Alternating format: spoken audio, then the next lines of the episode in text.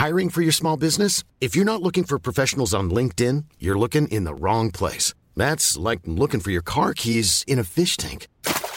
LinkedIn helps you hire professionals you can't find anywhere else, even those who aren't actively searching for a new job but might be open to the perfect role. In a given month, over 70% of LinkedIn users don't even visit other leading job sites. So start looking in the right place. With LinkedIn, you can hire professionals like a professional. Post your free job on linkedin.com slash people today.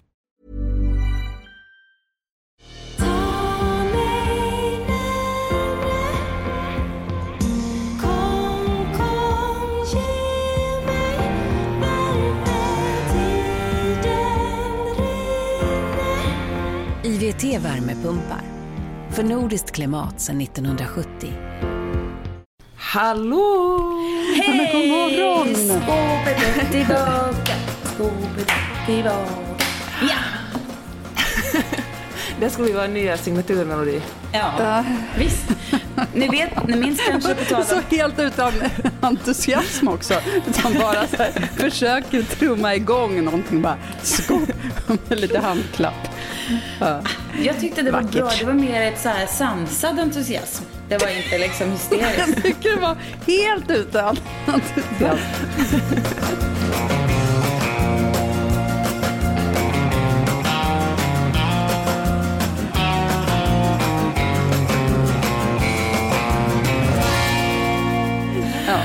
Om hejaklack så ni minns kanske, jag tror att det kan ha varit vår sista podd innan sommaren. Då jag var mycket, mycket eh, irriterad på fotbollen. Ja, nu när det är damerna som är i ropet, eh, de har ju redan spelat sin final när avsnittet sänds, men just nu står vi inför finalen. Nej, nu har jag bytt helt, nu älskar jag fotboll. Nu är du en medgångssupporter. Men det är kanske också det att de får lite mindre uppmärksamhet. Så att, trots att de nu är i final. Ja. Så att det är liksom, man kan leva ett normalt liv utan att eh, påverkas av fotbollen. Det är lite Ja. mer hänsynsfullt och Mm. då väldigt orättvist. Mm. Ja, eftersom precis. damerna är så mycket bättre än killarna. Ja, men jag läste någonstans att, deras, att löneskillnaden var, var det 98,5 procent. Nej, men Ja, det herregud. kan jag tänka mig. Men du måste förstå, det är en passion för dem. Det är som folk som jobbar på förskolor och, och uh, sjuksköterskor. Det är en passion för dem. De skulle göra det också om de inte fick lön. Ja. Men spelar och jobbar för att få lön. Precis. De är glada bara för att få spela. För att vara med. Ja, de är så lyckliga. Det, Det känns Då- som att de måste ha typ eg- alltså, riktiga jobb vid sidan om fotbollen. ja. Är det så fortfarande? Nej, jag har ingen aning. Jag har verkligen Jo, ingen ja, men aning. de kanske får en så här okej lön, vem vet, om de har tur. Mm. Men, och det är ju helt sjukt. När de andra bara går och gör så här liksom. Nej, nu gör jag en sån här rörelse med handen. Köper ett nytt skjuter. hårband. Vad sa du? Ja. Köper ett nytt hårband. Ja, nu blir jag tillbaka till fotbolls... Mansfot... Jag, jag, vill, jag, jag vill avgränsa min fotbollsilska mot mansfotboll. Men kan ni berätta lite om er sommar? Ska vi, ska vi börja där? Vad har, vi, vad har ni gjort? Vad, har ni tag, vad tar ni med er ut ur sommaren när vi snart börjar återgå till normalt eh, liv? Ja, vilken sommar, vad snabbt den gick. Juni kan jag inte ens minnas. Äh, juli kan jag inte ens minnas. Äh, jag var ju i Frankrike hela sommaren, bilade ner. Det gjorde jag hade jag gjort redan senast vi hördes. Ehm, och det var ju noll kontroller eller någonting när vi åkte. Jag vet, jag har fått, fått väldigt många frågor om hur det funkar att bila i Europa. Jag skulle säga att det funkar som en dröm, i alla fall då. Ehm, och nu har de ju infört mer, vi åkte hem lite tidigare än vi hade tänkt från Frankrike för att de skulle införa nya restriktioner och eh, vet, man var tvungen att testa sig. Alla över 12 tvungna att testa sig även om man ska gå på typ ett fik. Om man inte har dubbelvaccinering, vilket ju såklart våra barn inte har. Mm. Ehm, men ehm, ja, du har ju också bilat Sissan och mer, Ja, bilade neråt jag. mer nyligen. Ja, fortfarande på plats faktiskt. Ehm, men ehm, ja, vi, ehm, vi har, eller jag vet inte, jag måste säga att jag har haft en så här helt otrolig sommar. Jag, jag kan inte, fast det känner jag också att jag säger varje sommar. Men den här sommaren har verkligen varit, nej, jag fattar ingenting hur man ens Men ska känns det inte också lite grann som att du har glömt bort Europa? Alltså jag tänker att jag, när jag har följt dig nu på Insta och din glädje över Italien, Ja. att det känns som att, för du har inte varit utanför Sverige typ, eller för du var i USA hela tiden och sen så var du i Sverige. Ja, och, fast jag har ju för sig varit i Europa, jag menar ja, med jobb och sådär ganska mycket. Men jag har liksom mm. inte varit där med familjen. Så det har varit så himla härligt att se allt genom deras ögon också. Men mm. barnen som aldrig har varit, för vi, när vi bodde i USA så reste vi ju jättemycket i Kalifornien. Men, men inte, vi var i Sverige, när vi var i Sverige på somrarna så var vi liksom där. Mm. Um, så det är väldigt härligt att se det här genom deras ögon och de tycker att allt är så otroligt och fascinerande och sådär. Men tycker du också för att, för nu har vi bilat de senaste åren ja. för att åka till Frankrike. Och jag tycker att för varje gång jag bilar genom Europa så blir min kärlek till Europa bara större. För jag tycker ah. det är så ah. otroligt att man får passera och uppleva så många olika länder. Ja, alltså, Nej, men det tar ju, Det tar ju såklart väldigt lång tid. Men till och med det har jag börjat se som en så här, gud vad härligt. Att när man ska åka hem då ser man inte som att ja, men jag kliver på ett plan tre timmar senare är hemma.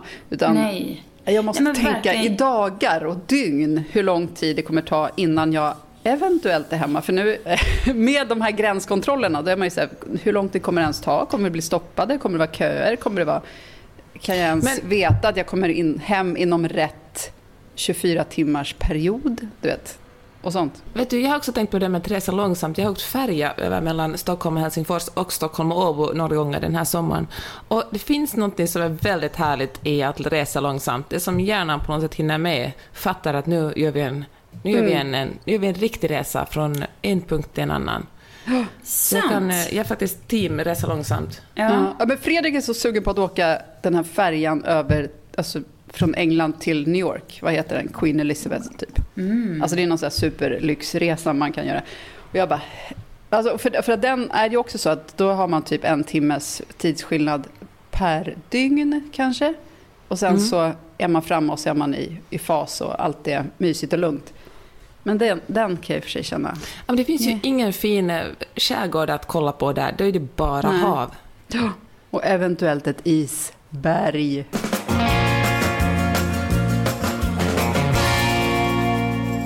Jessica Almenäs, hon är med i ett tv-program som heter Över Atlanten, tror jag. Som precis har börjat sändas. Och när jag pratade med henne om det um, efter inspelningen uh, så sa hon att uh, precis lite som jag upplever, har upplevt under den här bilresan vi har gjort och som kanske hänger ihop med det med resa långsamt.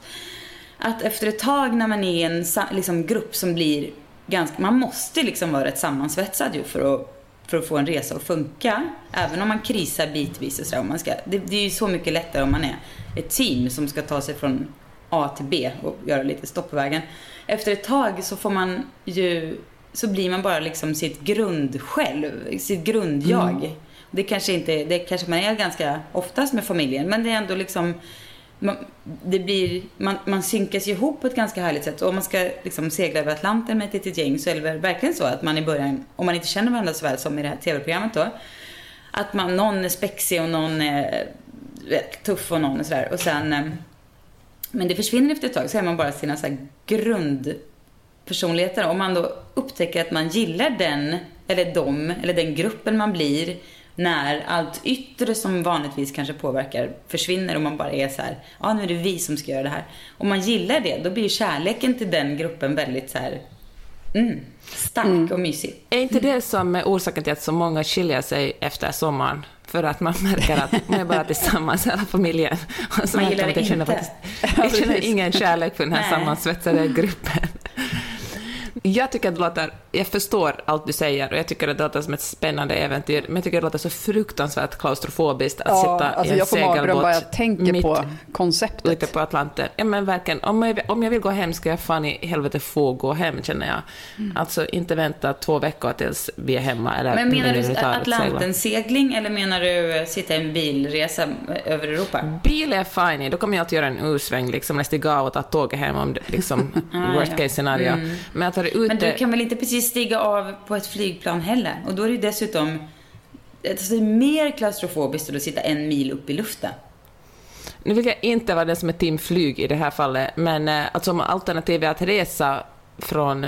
Ja, men okej, om jag måste välja om jag vill ta flyget från eh, Stockholm till eh, USA eller ta en liten segelbåt, då måste... Okej, fine, då är jag team flyg.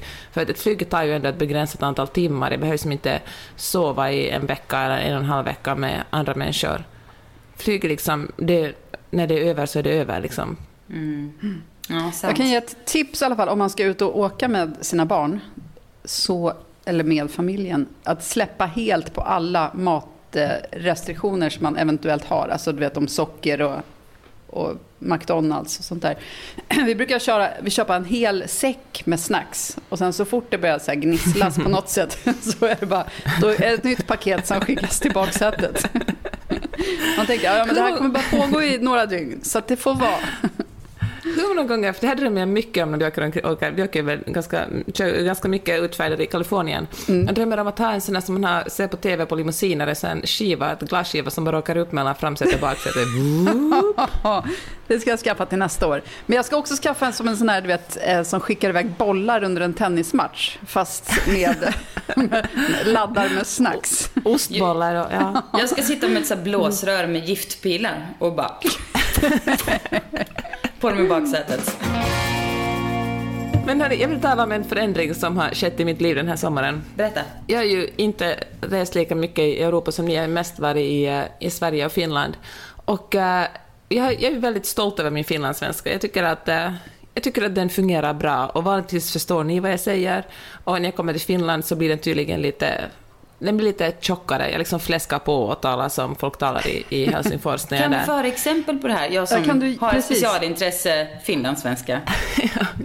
Men alltså det är svårt, för jag tycker, det, det här är feedbacken från andra människor. Jag tror det var tre olika personer som under en dag sa att Peppe, din finlandssvenska håller på att försvinna i, i Finland, när jag tyckte jag tar på som vanligt. Men jag tror att jag använder kanske mer ord som, mer liksom så här, finlandssvenska ord som att säga att uh, morkis till exempel, när man ångrar någonting kan jag säga. Eller att ha Ja, då, nu blev jag morkis. Eller vad? Morkis? Ja, men vet du, du har varit ute och liksom en hel, du har varit ute och druckit jättemycket sprit och det är följande morgon Ah. och så är det sådär att nej. Du känner Jo, det bakisångest. dansade jag verkligen naken. Bakisångest, det är morkis. Det behöver inte alltid ha med alkohol att göra, det kan verkligen ha, det kan vara någonting annat, men ofta, det här är ju ändå Finland. Inte för att spä på, Superord. på några fördomar. Alltså Superord. molk med L som i Lena eller med R som i Rut? Molkis. med R, morkis. Morkis. Men det hör man Morkis. ju. Det är ett ord som säger hur man mår. Alltså är det morkis, det är ing- det är ingen, det är ingen liksom vårdag. Man hör Nej, ju det att är inget bra sig- läge. Nej. Men här i Stockholm har jag märkt att jag inte kan använda mitt... Alltså jag kan inte säga sju. Eller jag kan säga sju om jag, in, om jag är okej med att ingen förstår mig. Men om jag vill kommunicera siffran sju är jag tvungen att säga sju. Och det är så, det är så förnedrande. Men för det, för exempel, det, i mitt svenska personnummer finns siffran sju.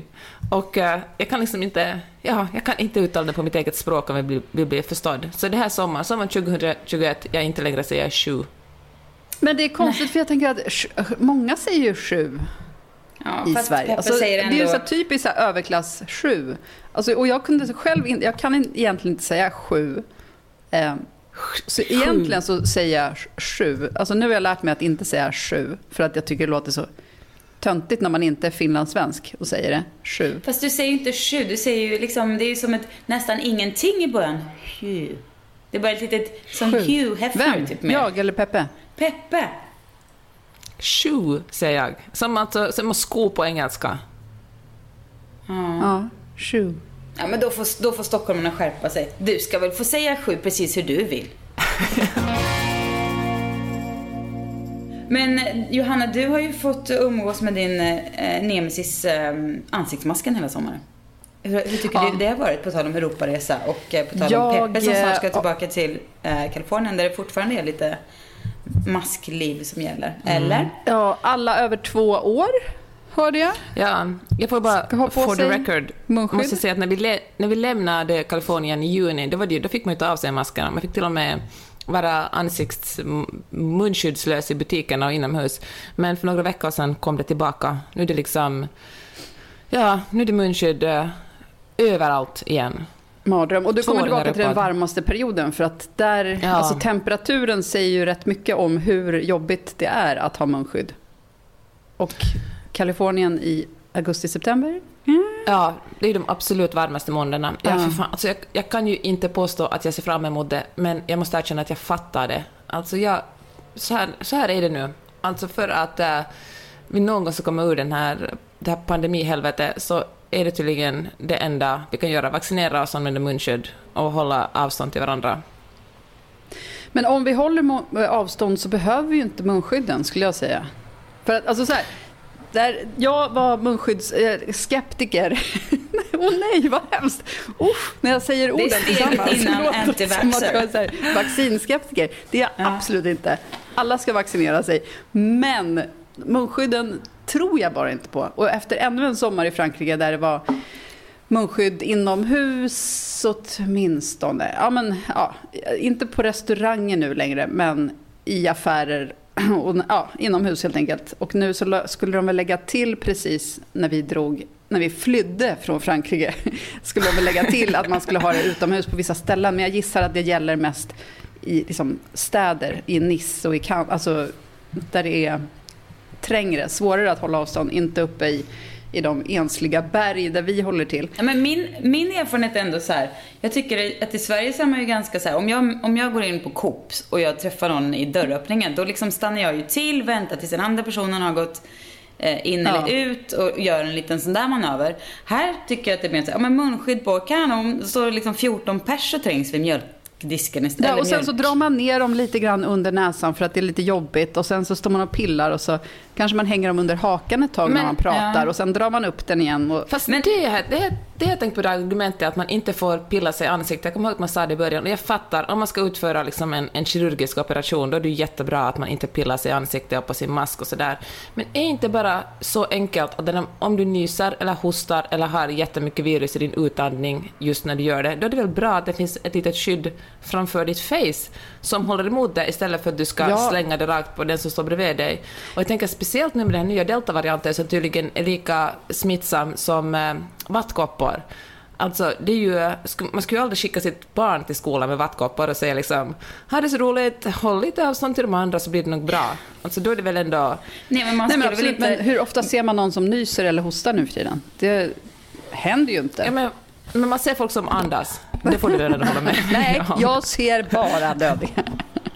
Nej, men jag, vet inte, jag tänker att det är väl också i superträngsel, om jag vore i New Yorks tunnelbana under rusningstid, då är det klart att, att det kan kännas som att det finns en poäng.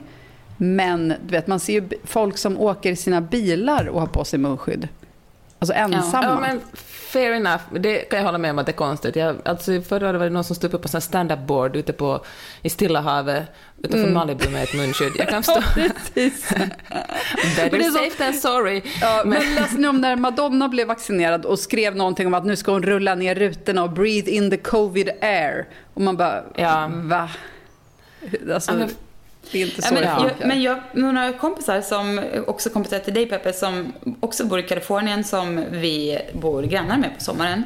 Eh, var ju jättevana vid mask och sa, tyckte, beskrev liksom känslan de första veckorna innan de hade liksom blivit demasked, maskified i Sverige. Mm. Som att det var, att det kändes så här, som att man gick lite naken och att det kändes otryggt och um, ja, konstigt, här, liksom ofel och fult Men jag tänker, varför, varför har man inte mask även, alltså om man nu älskar mask och tycker att det känns bra, varför har man inte mask även i Sverige i så fall? Men jag tänker att det är väl också lite som med vaccin, om man, om man säger att men om du älskar vaccin så mycket, så vaccinera dig då för helvete. Det är väl lite samma argument. Jag menar, det är väl någonting som vi gör tillsammans det här ändå, tänker jag kanske. Jo, men alltså ändå. Man, Alltså jag menar inte att jag ska tvinga på dig en mask nu Peppe, jag lovar. Men det... Annars är jag en hycklare om ni ser mig utan mask på stan. Som vanligt. Masken är ju en bra signal, att man är så här, uh, I fight the fight-signal liksom. Mm. Det är alltså, när man ser folk som har mask, då håller man ju ännu större avstånd. Så att ja. på det sättet. Men men må mm. många här går ju runt i Italien vi nu, och så har man masken, ja men precis, den hänger lite runt halsen, den sitter på armen har många mm. så här och det är lite... Ja, ja. Och det, liksom, det kändes nästan som en trend vid Medelhavet, ja. att ha masken på armen. Man åker på sin moppe och så hänger man masken som ett litet För att kunna smycke. sätta på den om man ska gå in i affären och så. Men också för att visa att man är så här, att jag är så här, jag, jag är inte liksom en galen anti-vaxxer, anti... ja, det, är väl, det är väl jättebra. Det är väl ändå det laget man vill vara på än ja, det, det är det ju verkligen. Nej, men absolut, men då känner jag ändå att lite maskgrejen kanske ändå har förbrukat sin roll. Om den mest är för att visa att man är, att man är on the good Fast side. om man sätter på den när man går in, man går in till sitt café för att köpa en baguette, då drar man på den för att visa att jag kommer inte att andas uh, covid-virus på dig, eller dig, eller dig. Sen Nej. köper man det man ska göra, sen går man ut, drar den över armen, för när man sitter på sin vespa så behöver man ingen mask. och Nej, sen fortsätter man men- sin dag. Jag tycker ändå att om det är så här, för mig känns det ju då som kommer från ett omaskigt vardagsliv, så känns det ju otroligt mycket konstigare att stå och trängas med folk som bara, ja vi har mask på så det är inga konstigheter, nu kör vi. Så står man och liksom trängs i någon kö och det är inga konstigheter. Än Fast- att man kanske inte har mask och håller lite avstånd istället. Det känns ju Jag lättare att också- hantera, tycker jag. Mm, det är jättebra med avstånd, men jag köper, alltså det måste, kanske man gör så på andra ställen, men jag köper inte riktigt det där att folk trängs så himla mycket med, med ansiktsmasker. Jag tycker tvärtom att man har liksom lite avstånd till varandra, för det påminner en om att man är mitt inne i en pandemi. Det är liksom inte, allt är inte som vanligt. Nej, nej men det är kanske är olika. Men här känns det, jag, men det kanske är italienare också som är, jag vet inte. Gillar att stå nära varandra. Ja, de är lite, nej, nej, nej, och det, ja, jag vet inte. Det- De, de är också lite fuck you till olika regler och så. Men det var ju som när man ser fransmän som, eller inte i år kanske, men förra året åtminstone, som kind, eller, eh, kindpussas med ansiktsmask. Ja. Ja. Ja. ja. Ja, nej men absolut. Om, det, om någon bara är så här, nu är det ansiktsmask som gäller för det är liksom verkligen, det kommer inte funka annars. Ja, men då får jag väl ta på mig den där jäveln. Men annars eh, så känner jag mig också väldigt glad att vi har, man har sluppit det alltså. För att, plus måste jag säga, mina features är inte ögonen. Det är inte min bästa, det är inte där jag har mina looks. Så när jag har på mig ansiktsmask, då är det bara två små pliriga grisögon kvar. Det är inte bra för mig.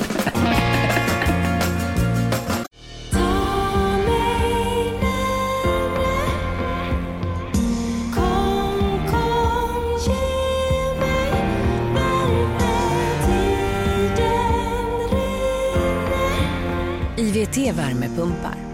För nordiskt klimat sedan 1970. Det är dags att säga farväl till och hej till. Dracarys. För HBO Max är här. Streama allt du älskar, bland annat The Suicide Squad och Zack Sniders Justice League. Spara 50% livet ut så länge du behåller ditt månadsabonnemang. Registrera dig på hbomax.com senast 30 november. Se villkor på hbomax.com. Vet ni vad sifferkombinationen 996 betyder? Nej. Nej. Det är, det är ett kinesiskt arbetsschema. Man jobbar från nio på morgonen till nio på kvällen, sex dagar i veckan. Det, det här som kom från teknologisektorn för några år sedan, när man jobbar liksom som ett djur för att bli Kinas, eh, eller Kina ska konkurrera med Silicon Valley. Och eh, sen sitter det, fram, sitter det kvar eftersom allt fler människor får högre utbildning. Det har gått jättefort att, att få en universitetsutbildning i Kina. Och allt fler människor konkurrerar om bra avlönade yrken. Och när man får ett bra jobb så vet man att det står liksom hundratusen, en miljon personer, liksom, för det här är ändå Kina, och knackar på, eller står i kö för att få ens jobb, så då är det lika bra att man bara jobbar, jobbar, jobbar, jobbar och visar framfötterna. Och gör man inte det så uppfattas man som lat och då kan man få gå. Det är liksom som ett, eh, alltså USA är ju också väldigt mycket det här att man ska, jag vet inte hur effektiv man är, man ska ju verkligen sitta och, eller fram till pandemin, nu håller det säkert på att förändras, men att man ska sitta på kontoret och visa att man är där, för det betyder att man är en lojal och, och duktig arbetstagare. Och som i allt annat så har det nu skett en, en så motreaktion på det här 996-systemet, eller kulturen. Nu börjar eh, en liten grupp människor bara säga att ge upp det här. Det heter eh, Tang Ping, tror jag om jag kommer rätt ihåg att det heter.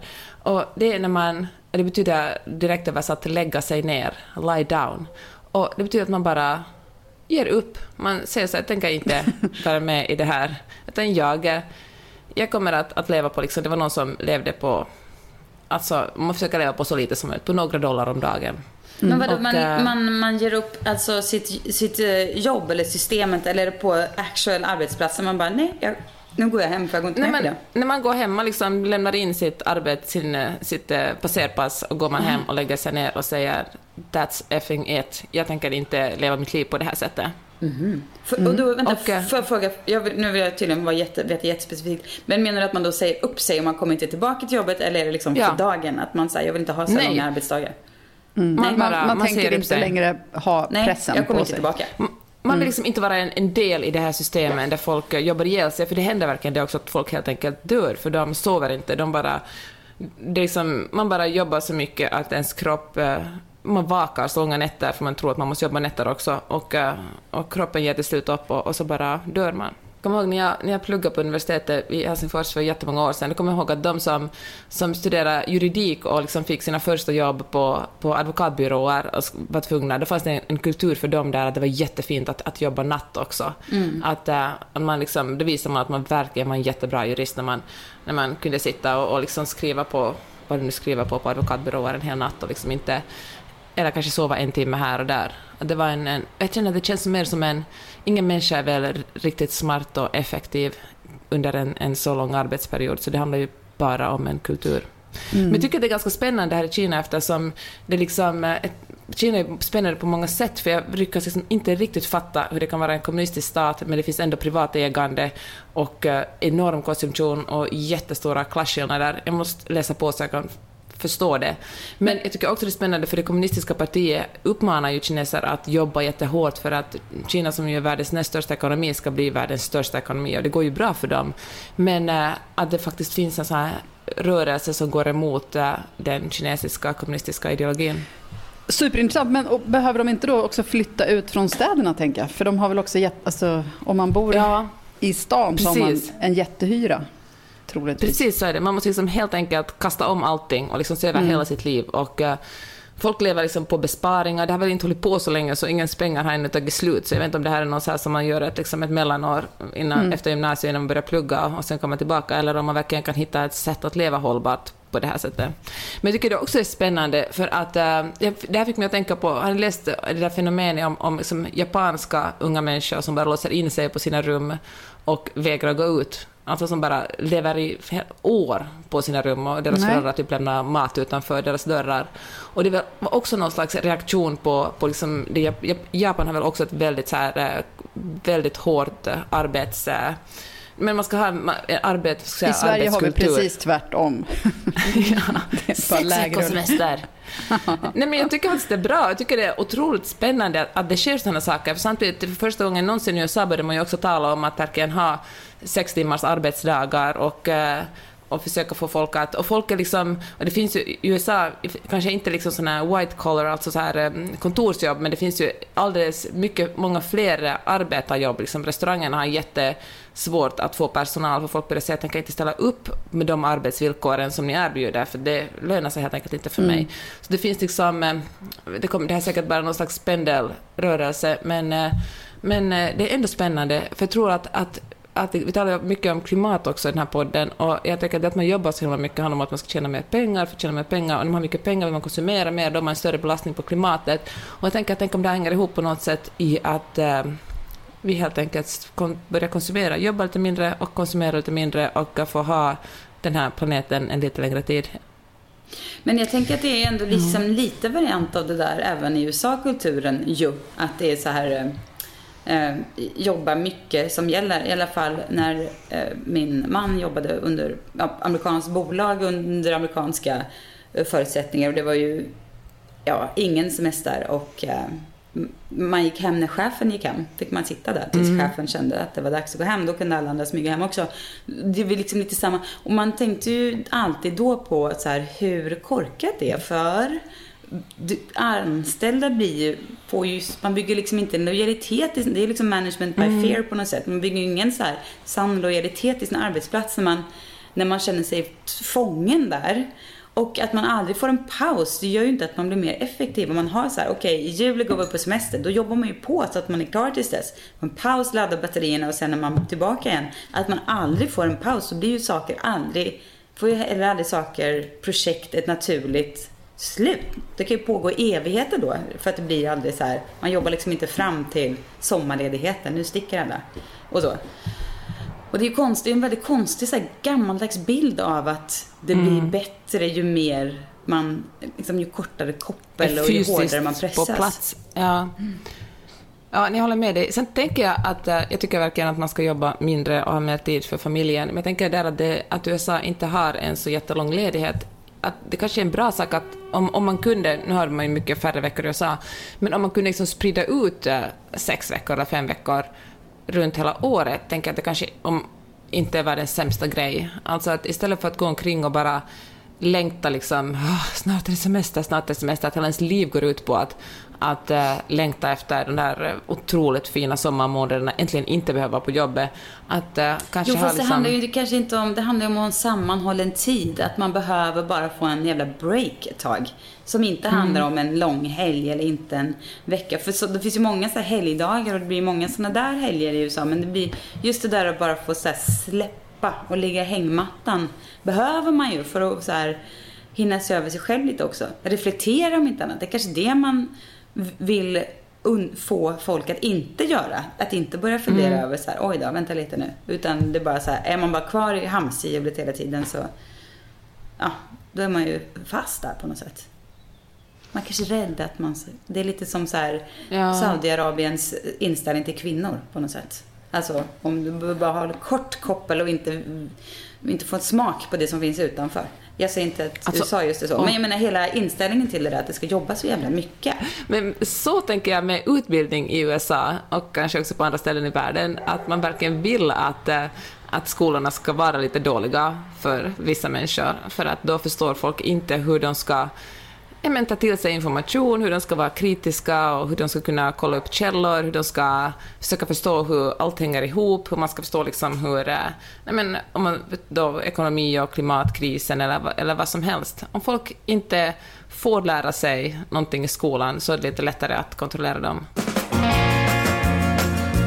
Det är dags att säga farväl till och hej till Dracarys. För HBO Max är här. Streama allt du älskar, bland annat The Suicide Squad och Zack Sniders Justice League. Spara 50% livet ut så länge du behåller ditt månadsabonnemang. Registrera dig på hbomax.com senast 30 november. Se villkor på hbomax.com. Där! Ursäkta att jag stör, men här kommer en dunderdeal från Burger King. För 99 kronor får du två Chicken Royal Meals eller två Whopper Meals eller en av vardera. Remix! Sväng förbi Burger Kings drive-thru och plocka med dig maten hem.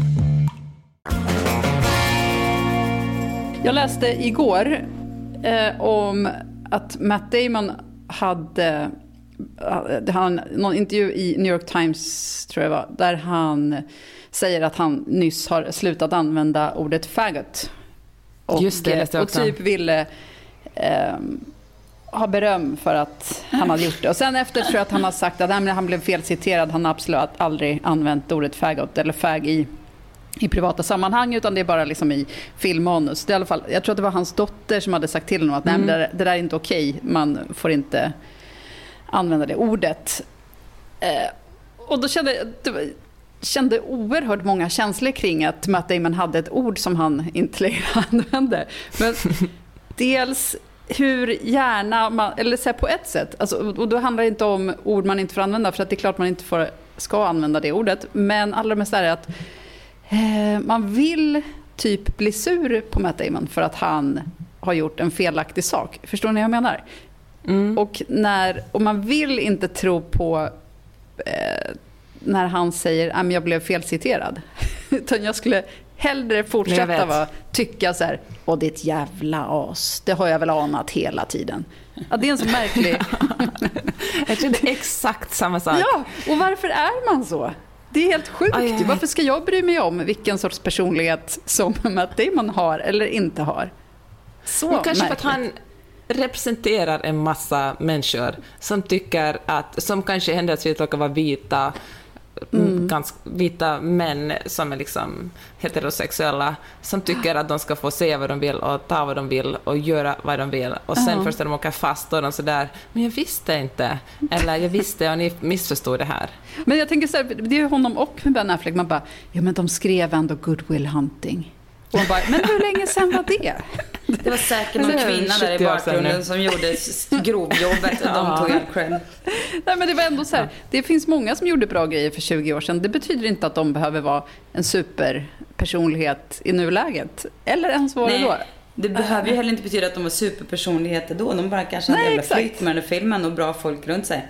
Ja. Men verkligen, men det tänker jag att man måste komma ihåg, att det finns folk som kan göra jättebra saker och vara otroligt trevliga och underbara i vissa situationer, och sen göra fruktansvärda saker en annan gång. Alltså, jag menar, det, bara för att man är en, en eh, asshole så betyder det inte att man är liksom en asshole 100% av sin vakna tid. Nej, alltså, det vore ju hemskt för att jag har ju själv gjort hemska saker. jag har inte mördat Berätta. någon. Eller? Berätta! Som vadå? det lät det konstigt. Nej, men det är klart att man har gjort grejer som man säger bara, "Ah, men det här var inte så himla schysst. Eller du vet, eh, och sådär. Mm. Nej, det känner jag inte Om jag skulle bli Nej. cancelled bara på grund av någonting som jag gjorde för 20 år sedan. nej, nu låter det som att jag har gjort något jätte, jättehemskt. Det har jag inte. Men man kan säga, tycka, ja, jag borde behandlat den här kompisen. Jag borde inte gjort så när, när, hon, när det här hände henne. Eller du vet, den här sortens saker. Eller jag hade kunnat inte säga det där. Eller du vet, så, sånt. Det är inte så att jag har jag har inte mördat någons barn. Jag har inte puttat någon från femte våningen. Jag lovar. Skönt Mm. att höra i alla fall. Men, Men, men, Nej, men jag tänker faktiskt, vet du vad, det där har jag också funderat mycket på när, eh, alltså en, eh, när man, alltså för det första tänker jag att man, vi var dummare för, för 20 år sedan. Och, Mm. och då tänker jag, vi som kultur och samhälle, för 20 år sedan var vi liksom, gjorde vi saker som eh, inte var okej, men eh, det var mer accepterat att göra det, så många av oss trodde att det var okej. Jag tänker när man ser på de här intervjuerna med Britney Spears, de frågor hon fick liksom, det ställer är som en tonåring som hon frågar om sina bröst och om hon, liksom, om hon har haft sex med Justin Timberlake. Och, alltså chockerande hur, eh, hur vi behandlar kvinnor och liksom transpersoner och, och HBTQ. Jag menar liksom alla som inte var vita och som vi. Och, eh, och jag tänker, apropå, jag måste bara bryta in. För då, där, apropå saker man har gjort som man inte är stolt över. Så kan jag säga, för Ja men typ, var det, för, ja, det kanske är 20 år sedan, eller nästan. När hon var, liksom, hade sin sexigaste stil, typ, så jobbade jag med Spermaharen som var Killinggängets eh, humorsajt. just det, klart du jobbar med den. Och så var det någon så här, de skulle spela in Jag vet inte om det här, nej det kan inte vara så himla hemligt. Men de gjorde, om det var Max Martin typ som fyllde år. Han kanske fyllde 40 eller något sånt kanske? Eller hur gammal är han? Jag vet inte. 30 I kan alla man fall. Och då så 65 skulle de spela in någon, här, någon, de skulle spela in någon sorts hälsning till honom tror jag det var. Det var någonting i alla fall. Johan Rheborg skulle iväg och träffa Britney, spela in någonting. Och sen så råkade han vara på redaktionen efter och jag jobbade som sagt på Spermaren. Så kommer han tillbaka och jag bara, var hon sexig? Typ. någon, sånt där, någon sån konstig fråga. För att man alltid såg henne på ett visst sätt. Hon såg alltid ut... Du vet, och sättet han tittade på mig bara... Va? Vet, det var ett sånt ja. frågetecken. Att han bara, vad är det här för fråga? Och jag kände så där bara, hehehe. Nej, just det. Ja, men alltså, du, du har burit med dig den här, den här situationen i 20 år. Jag tänker, Ja. det, men vet du vad? Jag tänker att det är Kanske det är preskriberat. Alltså jag tänkte, en sak med att göra dumma saker är att man kan åtminstone försöka... Och det här var ju verkligen... ja, Alltså, det finns, folk har gjort dummare saker, Johanna. Jo, jag, Alltså, man kan åtminstone lära sig någonting. Men tänk om man går tillbaka till Mac Damon, om man liksom i år säger att, blir, säger att man nu inser att faggot inte är okej. Det, det är väl en annan sak. Liksom, det beror på... en- Men jag tycker det finns en, tendens att man ska liksom gräva upp dumheter som folk har gjort för jättelänge sedan. Jag tycker det är faktiskt en sak, men att liksom ändå där, nu liksom i, i samtiden säga saker som är direkt kränkande, fan, då får man fan läsa en tidning eller hålla lite bättre koll. Jag var med om motsvarande sak i Finland. Jag gick på barnteater, superhärlig sommarteater och tänkte nu ska barnen få lite finlandssvensk kultur. Så finns det de Peter Pan, och, eh, som var härligt och fint. Men de har liksom hållit kvar det här... eh, Alltså, det finns indianer, alltså amerikanska ursprungsbefolkningen, och de spelar liksom ingen roll i det egentligen. Den här. De hade verkligen ingen... De bara fanns där och satt och rökte fredspipa och sa ugg. Och eh, jag tyckte det var... tjoar lätt. runt en eld liksom. Nej men typ. Ja. Alltså, och jag tyckte det var lätt opassande. Och så, jag, gjorde, jag skrev någonting om det på stories och skrev någonting om det på bloggen och folk bara blev helt rasande. Alltså, det, det var många, nu avföljer jag dig. För att eh, det mest kränkande man kan göra är tydligen kritisera någon för att fortfarande ha liksom stereotypa uppfattningar om indianer. Men det är ju för att det kanske är en, en, en, en, en minoritet som ligger väldigt långt från ens egna liv som man tycker att spelar roll kokosboll. Liksom. Jag, jag försöker förstå den här reaktionen. Det handlar väl om att någon kommer liksom någon jävla liksom woke person kommer och pekar på någonting som, som man själv tycker är helt normalt och sen inser man kanske djupt inne att det här var kanske lite fel, men istället för att, alltså att fine, okej, okay, då ska jag inte göra det här mer, så känner man sig kränkt, för det är en obehaglig känsla att ha liksom gjort någonting fel. Och då reagerar man istället med så här motstånd, bästa försvar, än mm. att backa och säga okej, okay, jag har lärt mig min läxa.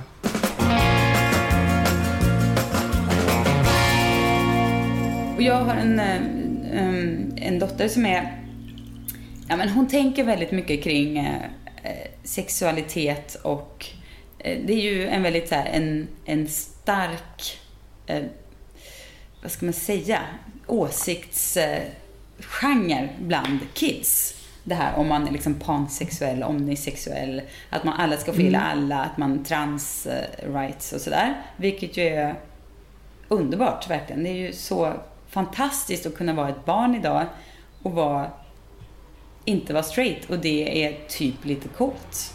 Snarare än att det är så här, någonting man måste bära som, ett, som en ångestgrej. Så. Hon har nog funderat på så här, många så här, ja men tänk om jag, tänk om jag, um, tänk om jag inte är en tjej. Jag kanske bara, jag är ju inte den typiska tjejen. Jag, jag kanske är, jag kanske är, tänk om jag är kille.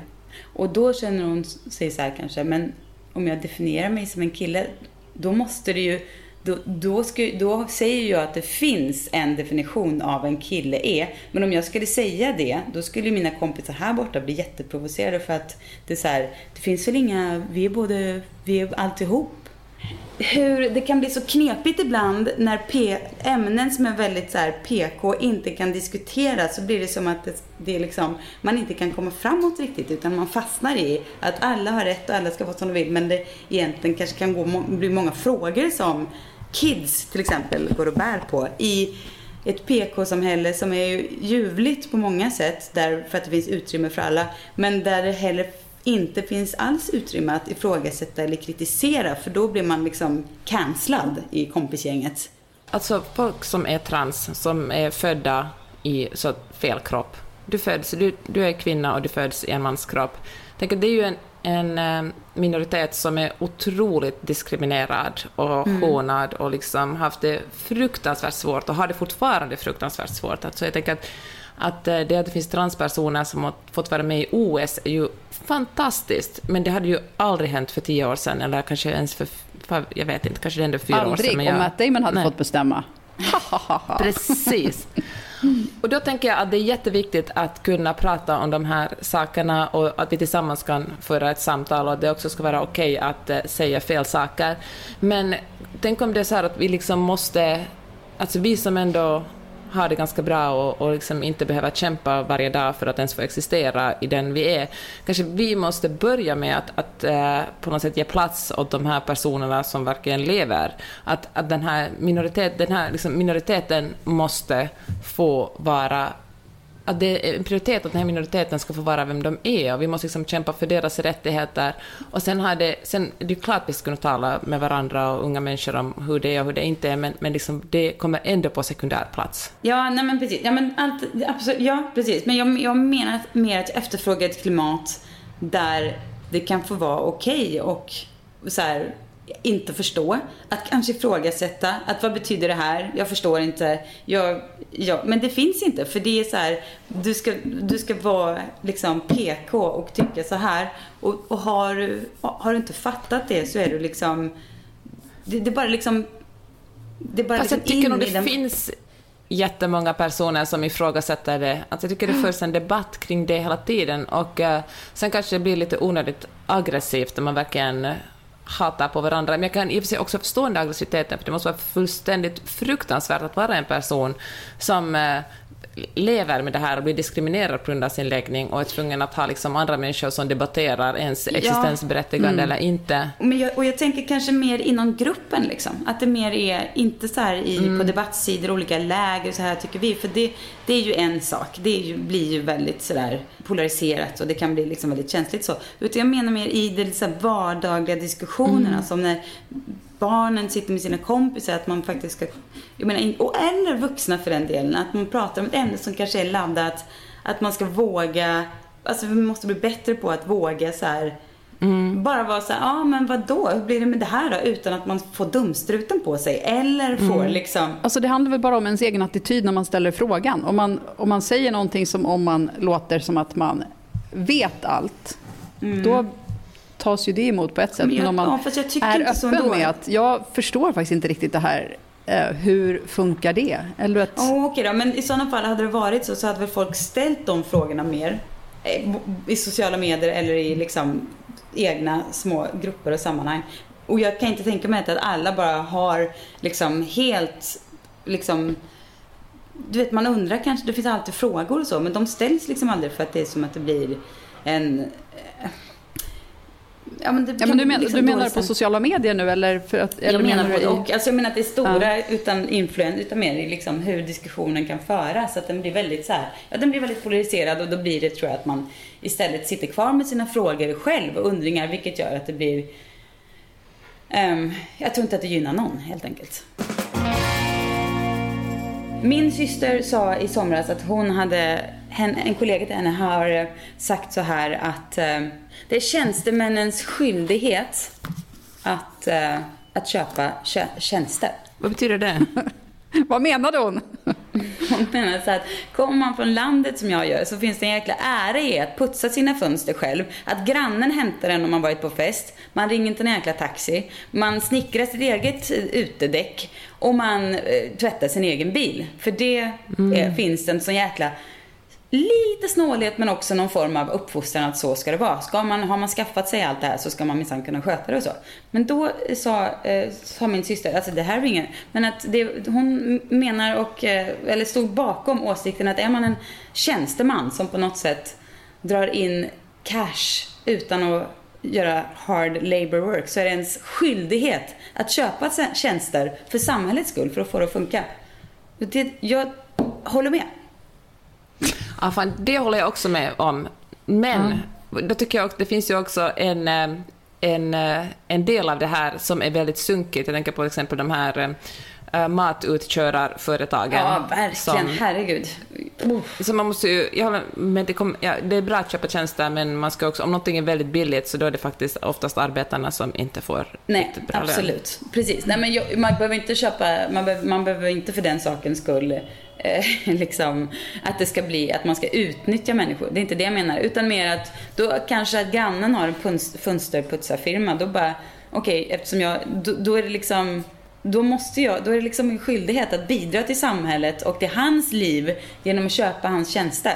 Man behöver inte, jag tycker inte man ska, är det någonstans man inte ska snåla så är det genom att köpa tjänster som gynnar andras företagande och liv. Jag tror att jag aldrig sett min man så lycklig när han insåg att han kan beställa hem en person som tvättar bilen ute, som bara kommer hem till oss och tvättar bilen ute på gatan.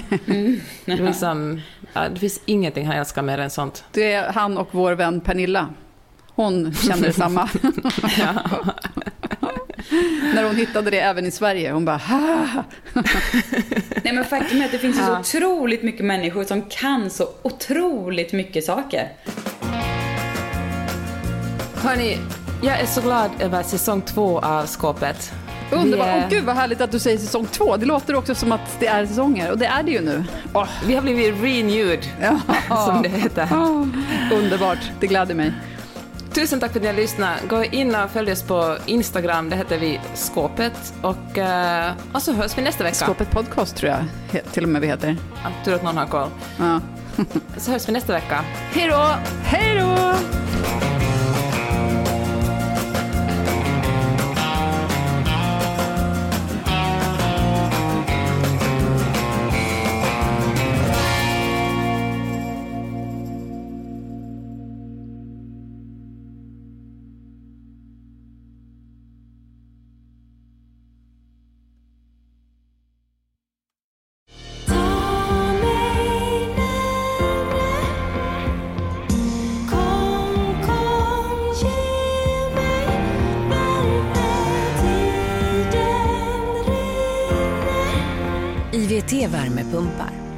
För nordiskt klimat sedan 1970.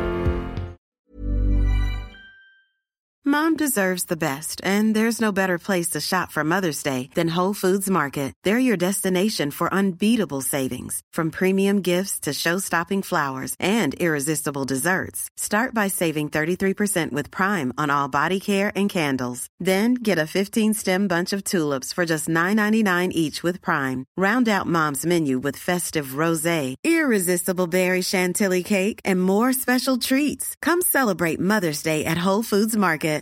Hey, it's Paige DeSorbo from Giggly Squad. High quality fashion without the price tag. Say hello to Quince. I'm snagging high-end essentials like cozy cashmere sweaters, sleek leather jackets, fine jewelry, and so much more. With Quince being 50 to 80% less than similar brands. And they partner with factories that prioritize safe, ethical, and responsible manufacturing. I love that. Luxury quality within reach. Go to quince.com slash style to get free shipping and 365 day returns on your next order. Quince.com slash style.